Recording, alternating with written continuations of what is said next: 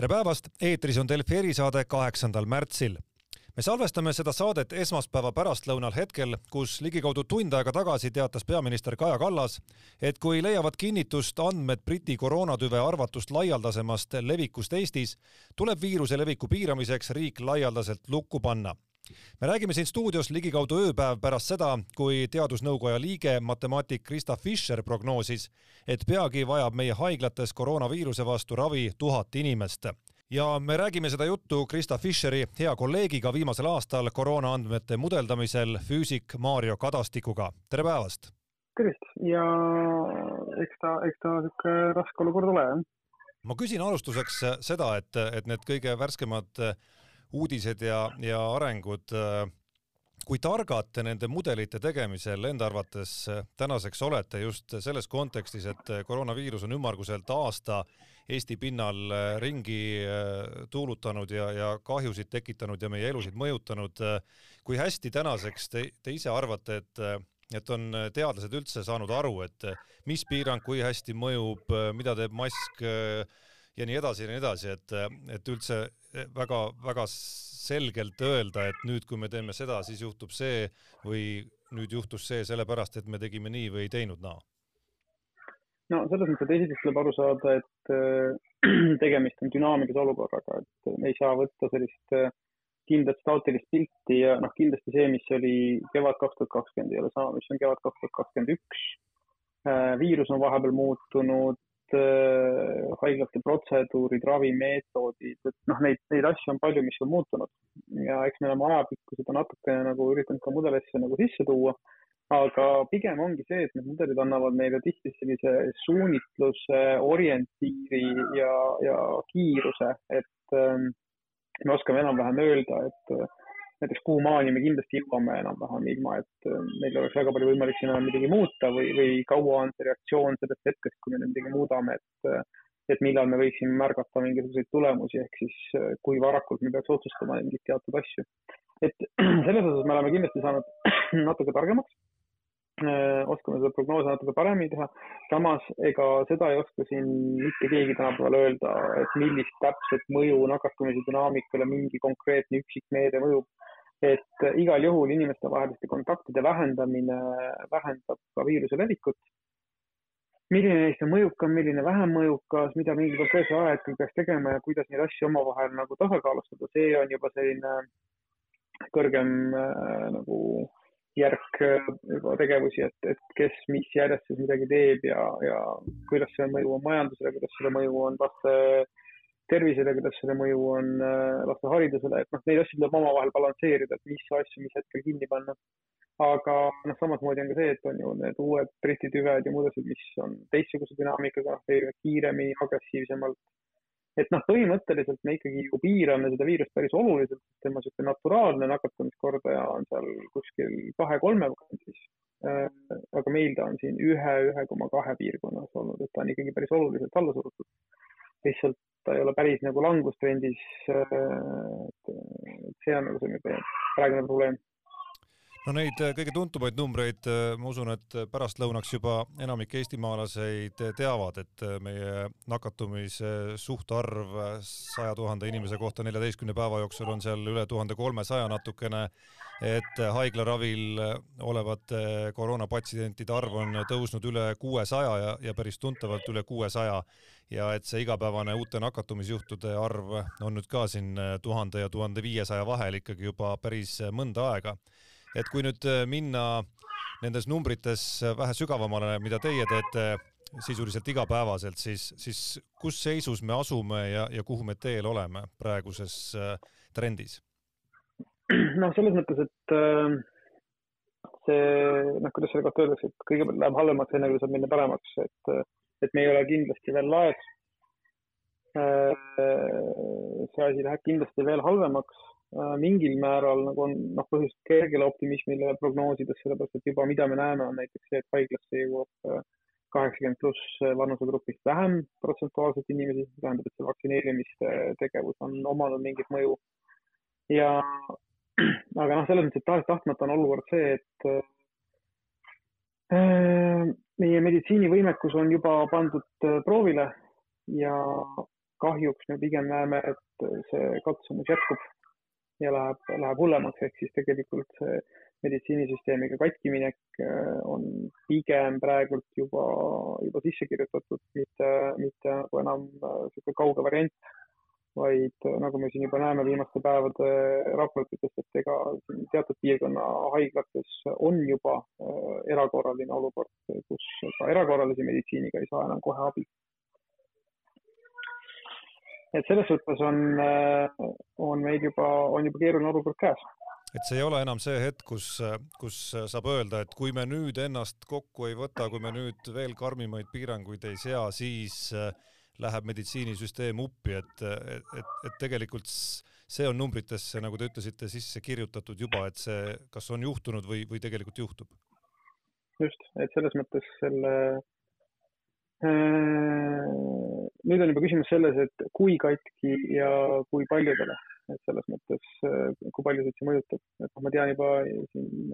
juba on selline üpris mõistlik nagu soovitus, et kui meil on äh, praegu õues väga libe, siis parem on mitte väga aktiivselt õues käia, sellepärast et ei tasu hetkel nagu konte murda. sa ei tea, kui pikalt sa EMO-s istuma pead. et Äh, kui ikkagi EMO-s inimesed peavad valima selle vahel, et äh, kas äh, värskelt jala murdnud inimene või Covidi haige, kes on lämbumas, siis noh, jala murdnud inimene, nii kahju kui seda öelda ei ole, elab selle päeva üle, kui Covidi patsient ei pruugi. et seetõttu nagu on, on olukord keeruline ja põhimõtteliselt on ikkagi vaja päris oluliselt sealt nivoolt alla tulla hetkel, et siin ei ole küsimus isegi selles, et üritame stabiliseeruda kuskil, vaid, vaid meil on sealt alla tulla selgelt. see eeldab ikkagi rangemaid piiranguid. kus see, kus see näitaja R, mis on saanud aasta jooksul ka eestlastele tuttavaks päris palju, see nakatumiskordaja, et kus, kus ta tänase hetke hinnangu järgi asub? ja ta on endiselt üle ühe. et selles mõttes äh, me ei ole veel näinud, et ta oleks äh, reaalselt, ta on natukene nagu leebemaks läinud, siin vahepeal oli üks koma kolm ja nii edasi juba, et see tõenäoliselt oli tõesti mõju sellest äh, Briti tüvest, mis juba omabki kiiremat leviku kordajat, et äh, Briti tüve kasv on kindlasti seda tõstnud. Ja noh, ta on sealt ühe koma kolme pealt hakanud võib-olla natukene alla tulema, aga, aga kahtlane on ikkagi see, et ta seal alla ühe oleks, et pigem on ta seal ikkagi endiselt üks koma üks ja midagi, et ei ole küll palju, mida oleks vaja inimeste vahelisi kontakte vähendada, et juba mingisugune kakskümmend, kolmkümmend protsenti kontaktide vähendamist teeks päris olulise muudatuse.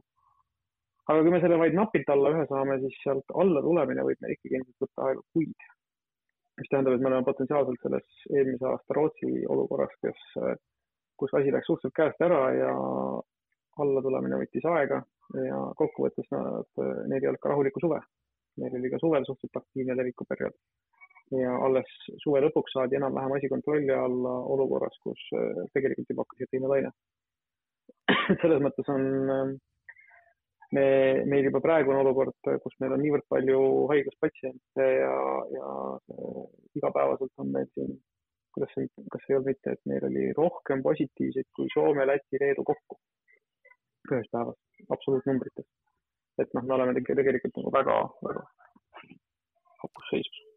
kas äh,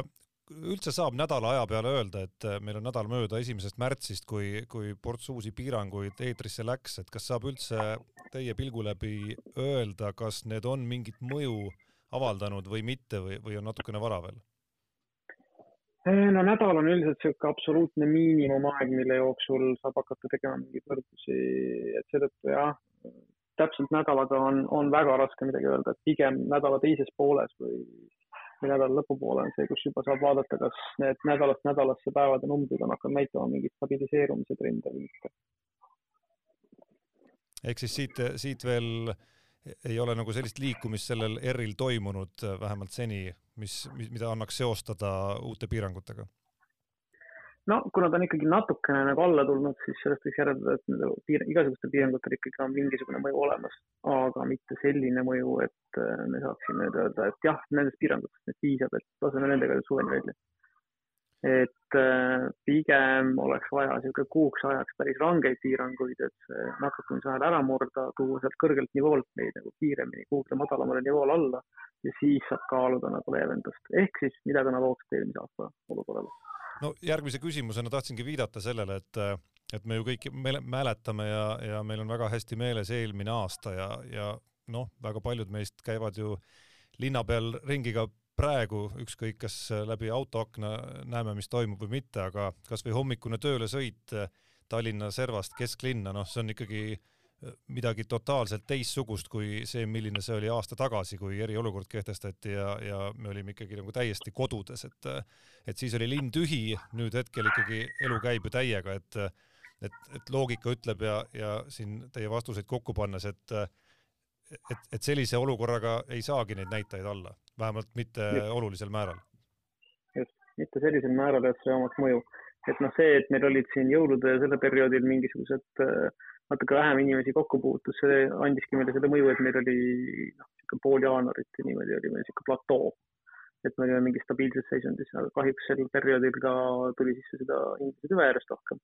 ja isegi sellest platoo olekust see inglise tüve tulemine automaatselt tõi sisse kasvu. nii et selles mõttes äh, igal juhul äh, pigem nagu probleem ongi selles, et mida rohkem on äh, nakatunuid, seda rohkem ka see viirus muteerub ja seda rohkem äh, tuleb sealt potentsiaalselt ka selliseid tüvesid, mis levivad ka paremini. nii et äh, seetõttu meil see olukord siin, äh, mida kauem me seda hoiame sellisel kõrgel tasemel, seda potentsiaalselt hullemaks ta võib minna. kas see, et viirus on äh, justkui agressiivsem kui, kui võib-olla pool aastat tagasi või aasta tagasi, olgu ta Briti tüvi või, või mõni muu tüvi, kas sellele järeldusele olete te ise jõudnud juba ka mingitel hetkedel siin viimastel nädalatel äh, varem, et, et just selle pealt, et okei okay,, meil on justkui võrreldavad piirangud selle ja selle ja selle ajahetkega siin äh, varasemast perioodist, aga näitajad käituvad hoopis teistmoodi? jah, põhimõtteliselt küll, see tegelikult see veebruarikuu on ju näidanud suhteliselt tugevat kasvu äh, sõltumata sellest, et tegelikult oli piiranguid endiselt päris korralikult. et eh, noh, kaks varianti tõesti, kas inimesed absoluutselt nagu ei järgi neid korralikult või siis tõesti ka see Briti tüve, mille puhul on räägitud, et ta kuskil kolmkümmend kuni viiskümmend protsenti agressiivsemalt levib. see tähendabki, et kui meil enne võis R oli üks, siis ta puhtalt Briti tüve massiivsema levikuga liigub juba automaatselt sinna ühe koma kolme, ühe koma viie poole. nii et noh, see kasv järjest sinna ühe koma kolme suunas võib olla vabalt puhtalt Briti tüve prevalentsuse kasvust kas kuidagimoodi on äh, numbritest,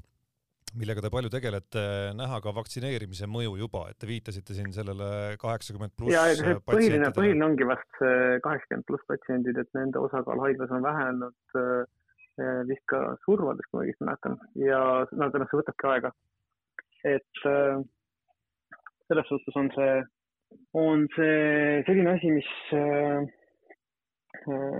omabki mingit pikka vinna, et noh, praeguseks on ju alles umbes kümme protsenti elanikkonnast saanud äh, esimese doosi või isegi alla kümne protsendi, kaheksa protsenti on saanud esimese doosi. et selles suhtes äh, natukene vara on näha suurt mõju, aga no vähemalt on mingisugunegi efekt see, et et jaanuarit ja veebruarit võrreldes on kaheksakümmend pluss osakaal jäänud enam-vähem samaks, samas teised vanusegrupid on läinud kordades üles haiglasse minekul. nii et seetõttu nagu see Äh, dünaamika on liikunud nooremate poole, ehk siis need, kes ei ole nii väga vaktsineeritud. see võiks loodetavasti anda mingit mõju ka nagu suremusele mingi hetk, et see võiks väheneda. aga jah, selles mõttes on ta keerukas, et äh, see võtab ikka aega, et see vaktsineerimine mingit korralikku mõju avaldaks, on meil vaja ikkagi nagu enamus saada vaktsineeritud et vähemalt äh, võiks see mingit lootust anda, kui, kui me teame taustal, et, et siin justkui ootus on, et mais, juunis, juulis võiks saabuda vaktsiini kättesaadavuses see aeg, kus, kus tõesti need, kes tahavad eh, vaktsiini saada, et need ka saavad selle süsti endale, et et mm, -hmm. et siis, kui te tõite selle Rootsi paralleeli eelmisest aastast, et see võiks justkui kiirendada siis seda protsessi, eh, mis rootslastel võttis, võttis mm -hmm. siis teise laineni aega jah, no võiks, äh, et seda jääb loota, aga noh, praegu ikka olekski nagu pigem see, et oleks vaja nagu tulla mõneks ajaks nagu rangemate piirangutega see ahel ära katkestada. ja noh, see ongi see, et äh, mida rohkem on meil nüüd levinud seda, seda raskemat tüve, seda suuremaid piiranguid on nüüd vaja, et noh, mõni aeg tagasi oleks tõenäoliselt saanud natuke väiksemate piirangutega hakkama, et hoida seda nivood kuskil madalamal ja võib-olla oleks saanud kiiremini katkestada seda ahela. noh, nüüd on seda niivõrd palju levinud, et seda absoluutarvudes ta, ta püsib kõrgel veel tükk aega. no Krista Fischer, teie hea kolleeg, oma eilses postituses äh, alustas tegelikult sellest teemast, et äh, praegu ei ole aeg, kus süüdlasi otsida ja, ja loomulikult seda yeah., seda ei ole ka, aga, aga ma siiski ilma süüdlasi otsimata ana, analüüsi natukene palun, et, et kust hetkest nüüd neid mudeleid vaadates see asi nagu viltu läks, et kas, kas see hetk, kus jaanuari keskel lapsed kooli tagasi läksid, kas sealt võib lugeda mingisugust uut ajajärku? no ütleme niimoodi, et see järsk R-i muutus tuli nüüd ikkagi seal kuskilt jah, jaanuari kandist äh, ülespoole, aga kas see nüüd on äh, koolide avamine või on see tõesti Briti tüve osakaalu kasv, seda on nagu raske öelda, et selles mõttes äh, pigem nii palju, kui ma mäletan kommunikatsiooni, seda Briti tüve ei olnud eriti palju veel nagu detsembris ja niimoodi. ehk siis noh, see võib olla nagu sihuke raske öelda, kumb konkreetne efekt Äh, suuremat mõju omas. et kas lihtsalt see, et Briti tüvi hakkaski rohkem levima, ta reaalselt rohkem levib ja seetõttu nagu lähebki järjest populatsioonis suuremasse osatähtsus protsenti või olid seal ka need osalised leevendused nagu taga, et noh, eks tõenäoliselt mõlemad omasid efekti no nende leevenduste puhul on, on ju palju arutletud ka selle üle, Kaja Kallas siin eelmisel nädalal Rahvusringhäälingu eetris ka, et äh, ideaal justkui oleks see, et sa leevendad piiranguid ja samal ajal annad siis inimestele juurde selle sõnumi, et, et me leevendame piiranguid, aga seda rohkem peate te ise vältima kõikvõimalikke kontakte, aga et praktikas inimkäitumine ikkagi töötab nagu vastupidi, et et kui sa juba leevendad, siis inimesed saavad signaali, et ohoh, nüüd võibki kõike veel vabamalt teha.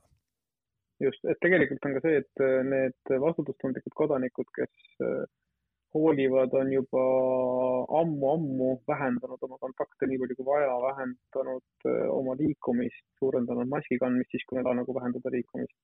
ja pigem ongi siis see, et need, kes, need, kes sellest nagu nii palju ei hooli, ega